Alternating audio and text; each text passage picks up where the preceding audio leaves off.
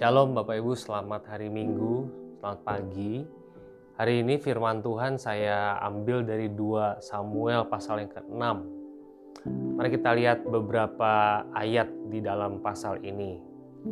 Yang pertama adalah ayat yang ayat yang pertama.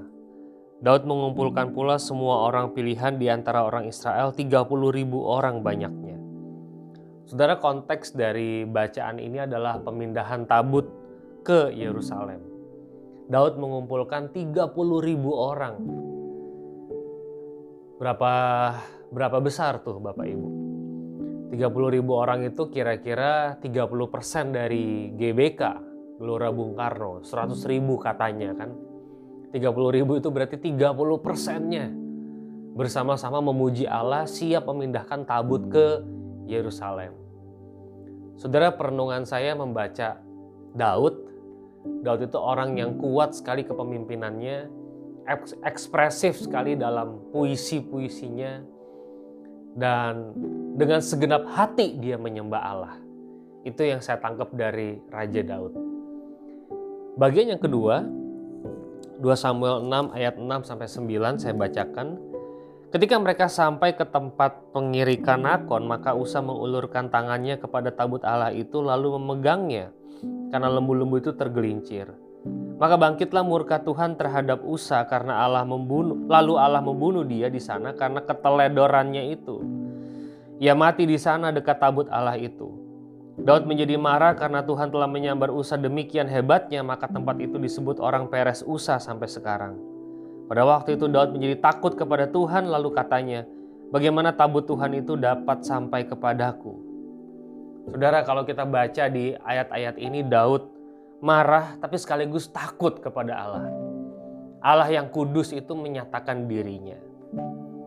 Saudara yang menarik ada satu kata di sini ayat yang ketujuh yaitu keteledoran Usa. Salah nggak sih Usa memegang itu? Alkitab LAITB mengatakan Usa teledor.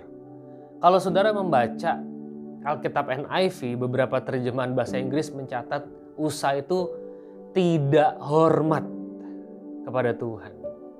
Usa tidak hormat, tidak menghargai Tuhan sebagaimana seharusnya. Saudara saya uh, yakin Usa kalau dikonfrontasi dia akan mengatakan saya nggak bermaksud apa-apa kok. Kita juga suka gitu ya saudara ya kalau dikonfrontasi kita mengatakan saya nggak bermaksud apa-apa, saya nggak ada maksud apa pun, nggak ada maksud apa pun. Tepat sekali saudara, nggak ada maksud apa-apa. Kita memang tidak mengconsider Allah sebagai someone.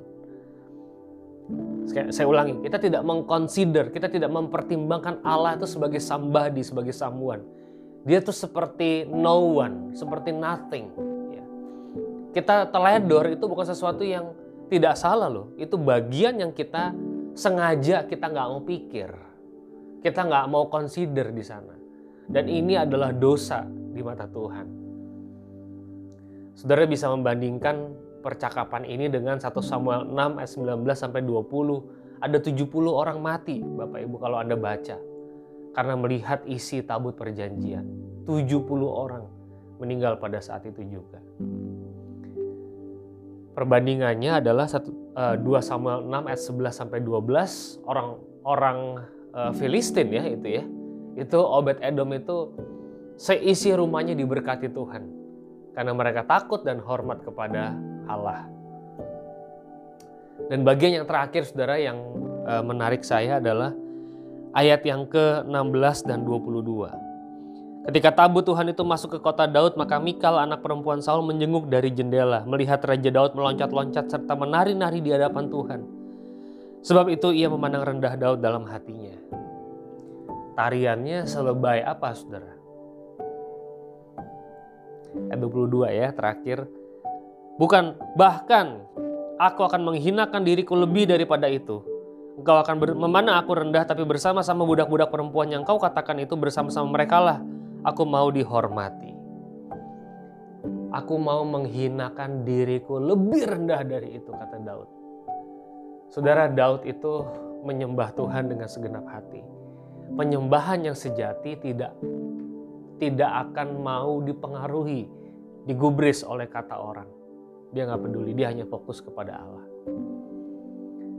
Semoga perenungan 2 Samuel ini memberkati saudara. Selamat hari Minggu, Tuhan memberkati.